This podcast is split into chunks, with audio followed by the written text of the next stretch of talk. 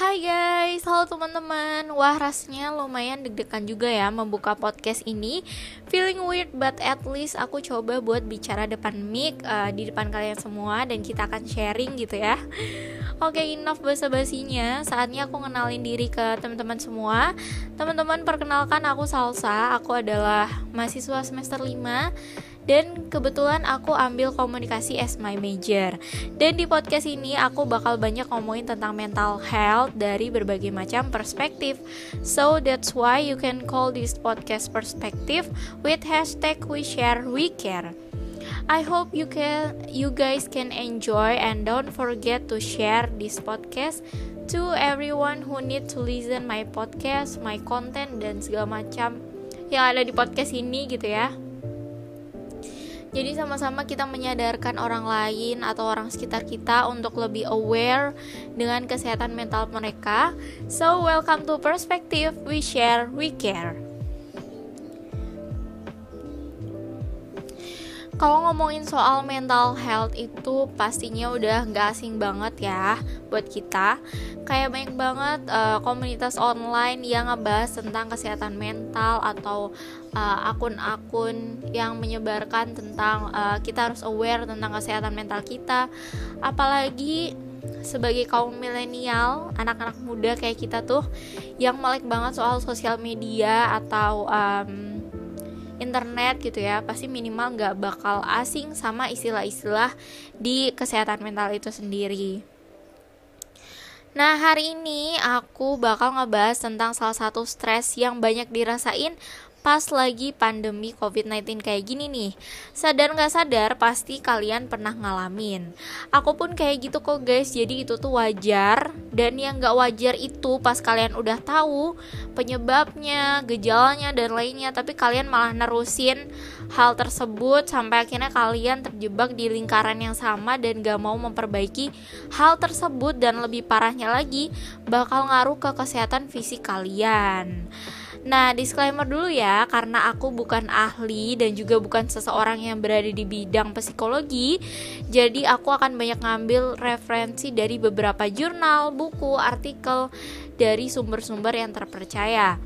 Dan aku juga bakal uh, tulis link di descriptionnya mengenai referensi apa aja yang aku baca supaya kalian juga bisa ikut baca dan ikut memahami apa yang akan aku bahas di podcast ini.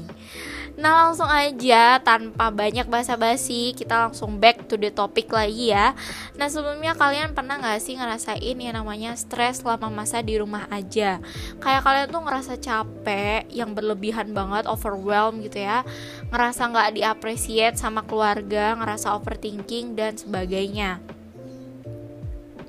kalau aku pribadi uh, aku tuh beneran ngerasain itu selama masa di rumah aja. Kebetulan aku uh, aku tuh bisa dibilang mahasiswa yang ngerantau gitu ya. Nah pas pulang ke rumah dan merasakan kuliah online selama hampir enam bulan itu tuh ngerasanya capek banget guys.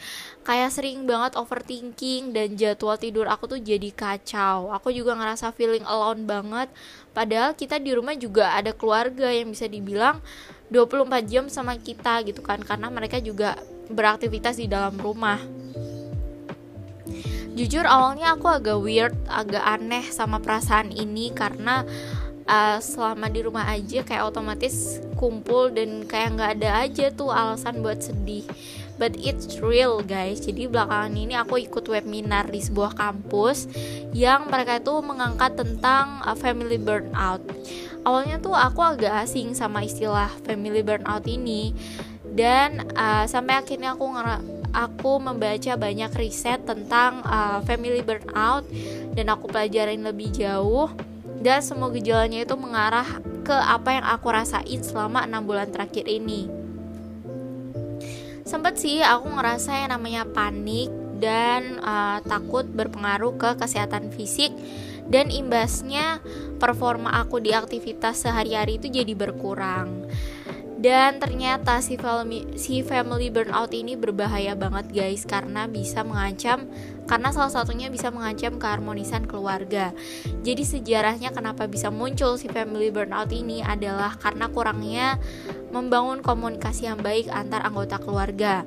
Menurut Dufresne dalam bukunya yang judulnya itu Strong Families, ada dua aspek uh, dua aspek uh, untuk terciptanya keharmonisan keluarga. Yang pertama tuh ada time together dan positive communication. Nah, selama masa di rumah aja ini pastinya time togethernya tuh udah dapat banget ya karena bisa dibilang kita 24 per 7 gitu 24 jam dalam seminggu itu kita sama keluarga kita terus tapi hal tersebut itu ternyata nggak dibarengin sama yang namanya positive communication. Soalnya antara anggota keluarga itu pas, pasti pada sibuk sama kegiatannya sendiri-sendiri. Kayak misalnya aku sibuk sama uh, kuliah online dan adik aku sibuk sama sekolah onlinenya. Dan orang tua aku sibuk dengan uh, pekerjaan online ya WFH dan sebagainya. Nah Menurut uh, sebagaimana dari report The Hidden Impact of COVID-19 yang dilakukan oleh organisasi non-pemerintahan Save the Children, ternyata masih banyak banget hak-hak anak yang terabaikan selama masa pandemi ini. Di antaranya hak untuk didengar, hak untuk berbagi pendapat, dan terlibat dalam pengambilan suatu keputusan. Dan ternyata, usut punya usut nih ya, kalau hak partisipasi ini nggak terpenuhi, maka bisa menghambat terciptanya iklim keharmonisan keluarga. Fatal banget ya, bisa dibilang. Nah, nggak cuma berpengaruh ke aspek keharmonisan keluarga, ternyata burnout ini juga berpengaruh ke banyak hal. Dilansir dari helpguide.org, burnout sendiri adalah keadaan di mana kita mengalami kelelahan emosional, fisik, dan mental yang disebabkan oleh stres yang berkepanjangan.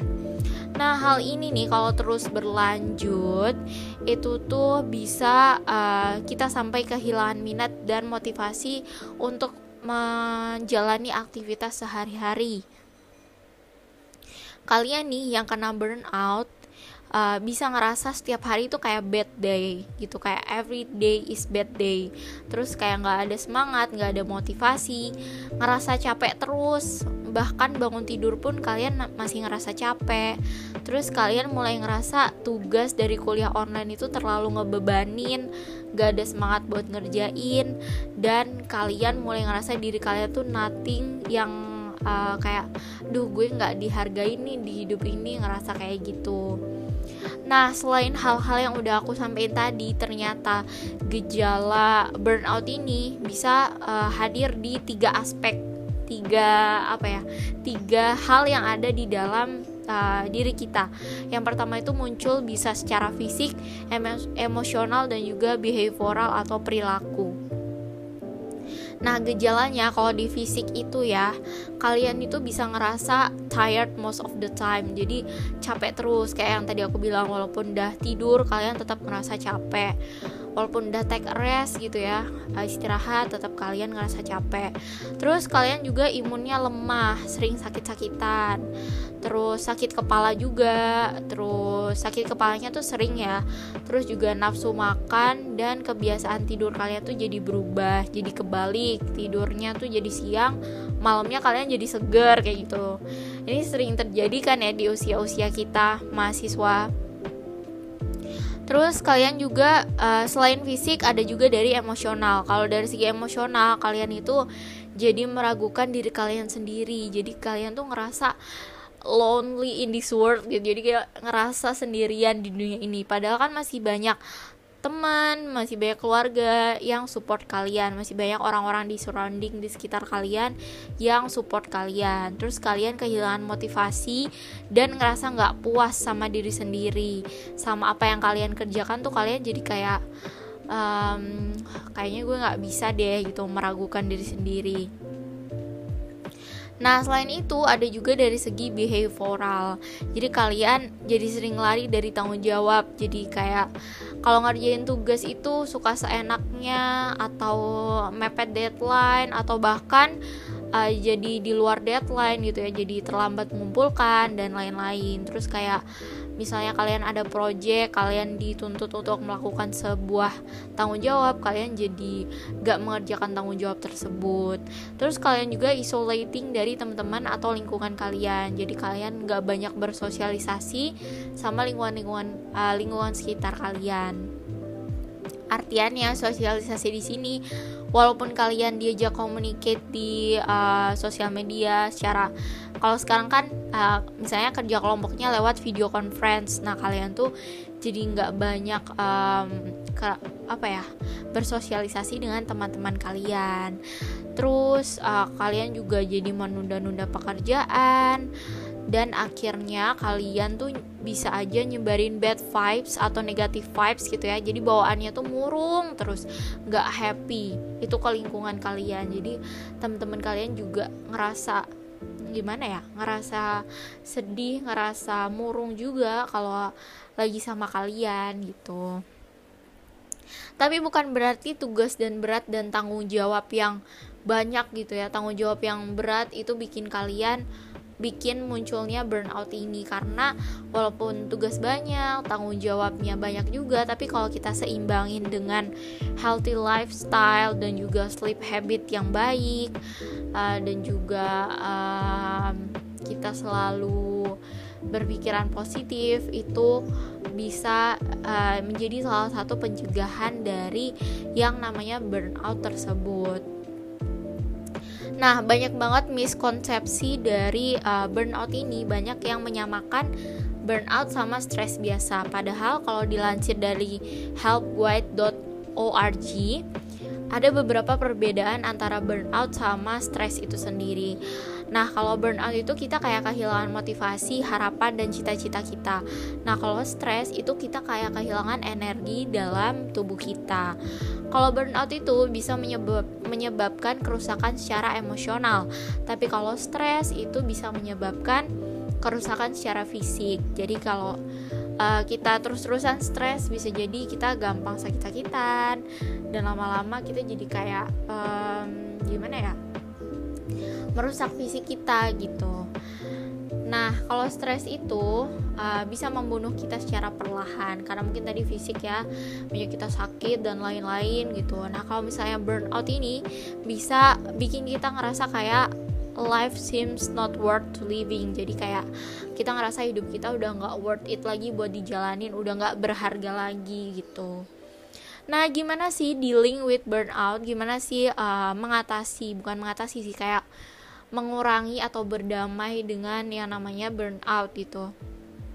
Aku punya beberapa tips uh, untuk mengurangi adanya burnout. Yang pertama itu coba untuk lebih banyak bersosialisasi dengan orang-orang di sekitar uh, kayak misalnya tuh family partner buat yang punya pacar gitu ya buat yang jomblo bisa juga kok ke, ke teman terdekatnya atau ke sahabatnya gitu ya coba untuk melupakan apa yang membuat kalian mengalami burnout dan coba spend time dengan orang-orang yang kasih kalian positive vibes dan uh, apa namanya kalau orang-orang tersebut ngasih kalian negatif uh, negative vibes, negatif negatif people itu coba kalian hindarin gitu ya demi kesehatan uh, mental kalian.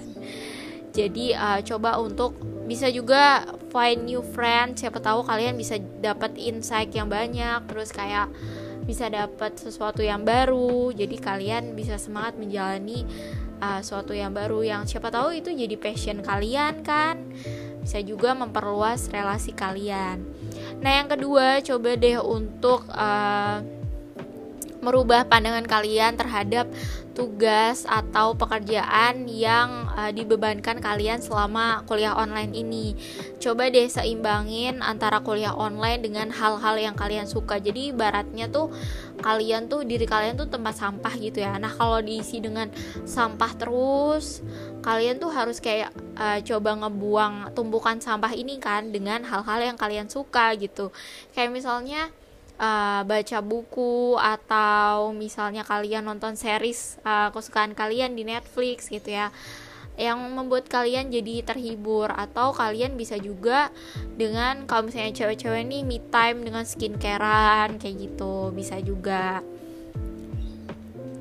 Terus uh, kalian karena uh, bisa juga untuk uh, make friends sama teman-teman di uh, kuliah kalian. Kayak misalnya banyak kan ya tugas yang mengharuskan kalian untuk kerja kelompok. Nah coba deh di sela-sela kerja kelompok atau diskusi kalian make friends sama orang-orang yang ada di kelompok tersebut gitu. Cari hal-hal menyenangkan. Misalnya diselingi dengan bercandaan atau misalnya jokes yang inside jokes yang cuma kalian tahu dan pokoknya make fun uh, di uh, pekerjaan kalian tugas tersebut gitu. Cari hal-hal yang kalian bisa positifkan di uh, tugas-tugas uh, tersebut. Misalnya nih kayak aku ada tugas podcast. Uh, aku coba uh, misalnya cari kesukaannya jadi uh, hikmahnya dari tugas podcast dan aku bakal ngambil mental health ini aku jadi bisa paham dengan diri aku gitu. Jadi kayak misalnya tadi kayak aku ngerasa kok aku kayak gini ya cemas berlebihan dan lain-lain. Akhirnya setelah aku searching oh ternyata uh, ada loh uh, yang kayak gini juga. Ternyata dealing with um, apa yang aku rasain tuh ada loh coba diterapin kayak gitu. Sisi positifnya aja sih yang kita ambil gitu. Nah Nah, menurut dari helpguide.org, makes friends at work itu bisa juga menghilangkan stres karena kita tuh bisa meningkatkan performance dari kinerja kita or simply-nya kamu tuh jadi lebih happy ngejalanin hari yang berat. Maksudnya dari uh, banyak tugas tersebut ya. Jadi kayak uh, apa namanya? ketemu orang-orang baru dan ngobrol gitu ya sama orang-orang tersebut. Nah, yang ketiga, kalian juga meny bisa menyusun kembali uh, tingkat atau susunan prioritas kalian gitu ya.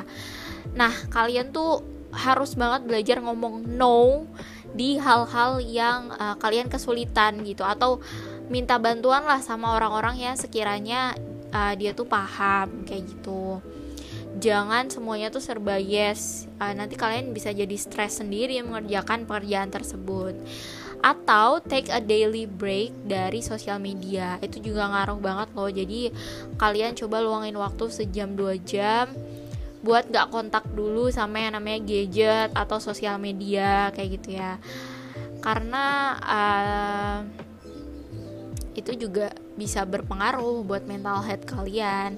Terus kalian juga bisa mengurangi stres dengan mengeluarkan sisi kreatif kalian, misalnya dengan coba-coba uh, kreasi masak apa gitu ya yang pokoknya ngejalanin apa yang jadi hobi kalian. Dan coba deh atur kembali pola tidur kalian. Kayak misalnya jam 9 malam itu udah jadwalnya kalian harus tidur. Uh, supaya besok paginya kalian bisa bangun lebih awal. Dan uh, bakal lebih siap buat ngejalanin hari kalian. Oh ya, jangan lupa buat sempetin olahraga 30 menit per hari. Karena ternyata olahraga itu bisa ngebus mood kalian loh. Dan yang terpenting guys, kalau kalian udah ngerasa burnout ini sangat mengganggu kegiatan uh, sehari-hari kalian, bahkan menyebabkan self harm gitu ya dan sebagainya. Apa pun yang melukai kalian secara fisik please banget aku mohon banget kalian harus secepatnya untuk ketemu psikolog dan konsultasi sama mereka. Uh, kalaupun kalian ngerasa malu atau ngerasa sungkan gitu ya untuk uh, konsultasi secara face to face apalagi masa pandemi gini mungkin ada orang yang nggak dibolehin sama orang tuanya atau ngerasa Parno buat keluar rumah gitu ya. Kalian bisa kok uh, konsultasi online via aplikasi-aplikasi yang udah uh, banyak di di gimana ya menjadi trending lah di eh, tahun-tahun belakangan ini yaitu Halodoc. Kalian bisa bisa banget unduh di App Store atau Play Store di smartphone kalian. Jadi Halodoc ini memfasilitasi buat kalian untuk uh, ketemu para psikolog yang bisa um, misal uh, bisa untuk uh, konsultasi sama kalian. Kalaupun ini udah gawat banget, biasanya bak mereka bakal menyarankan beberapa jenis obat yang sesuai dosis dan menangani uh, kebutuhan kalian. Tentunya jangan self diagnose ya guys ya, karena itu berbahaya banget. Bener sih self diagnose itu kayak jalan pintas gitu ya kayak kalian bisa lebih cepat istilahnya buat tahu um, oh gejalanya ini obatnya ini. Tapi ternyata itu tuh bisa membahayakan diri kalian karena kan belum tentu itu sesuai dengan dosis dan uh, sesuai dengan ahlinya gitu kan. Jadi lebih baik kalian berkonsultasi dengan ahlinya dan mendapatkan penanganan juga uh, solusi yang benar-benar terjamin kebenarannya gitu kan. Toh si psikolog ini udah mendapat lisensi license gitu ya yang resmi dari pemerintah untuk uh, menangani tentang mental health kalian. Oke, okay, makasih banget udah dengerin uh, podcast ini dan coba untuk um, lebih terbuka sama diri kalian. Kalian sedih itu wajar, kalian uh, ngerasa uh, apa ya? Uh, overthinking dan lain-lain itu wajar tapi jangan berkepanjangan. Coba lakuin hal-hal yang aku saranin tadi. Dealing with your problem jangan dihindarin jangan uh, di bodo amatin gitu ya. Kalian harus bisa uh, dealing with them gitu. Dan yang terpenting jangan self diagnose kalian harus uh, menemui ahlinya kalaupun itu udah sangat mengganggu aktivitas kalian dan self harm yang melukai diri kalian secara fisik. So aku Salsa thank you so much. Bye bye see you later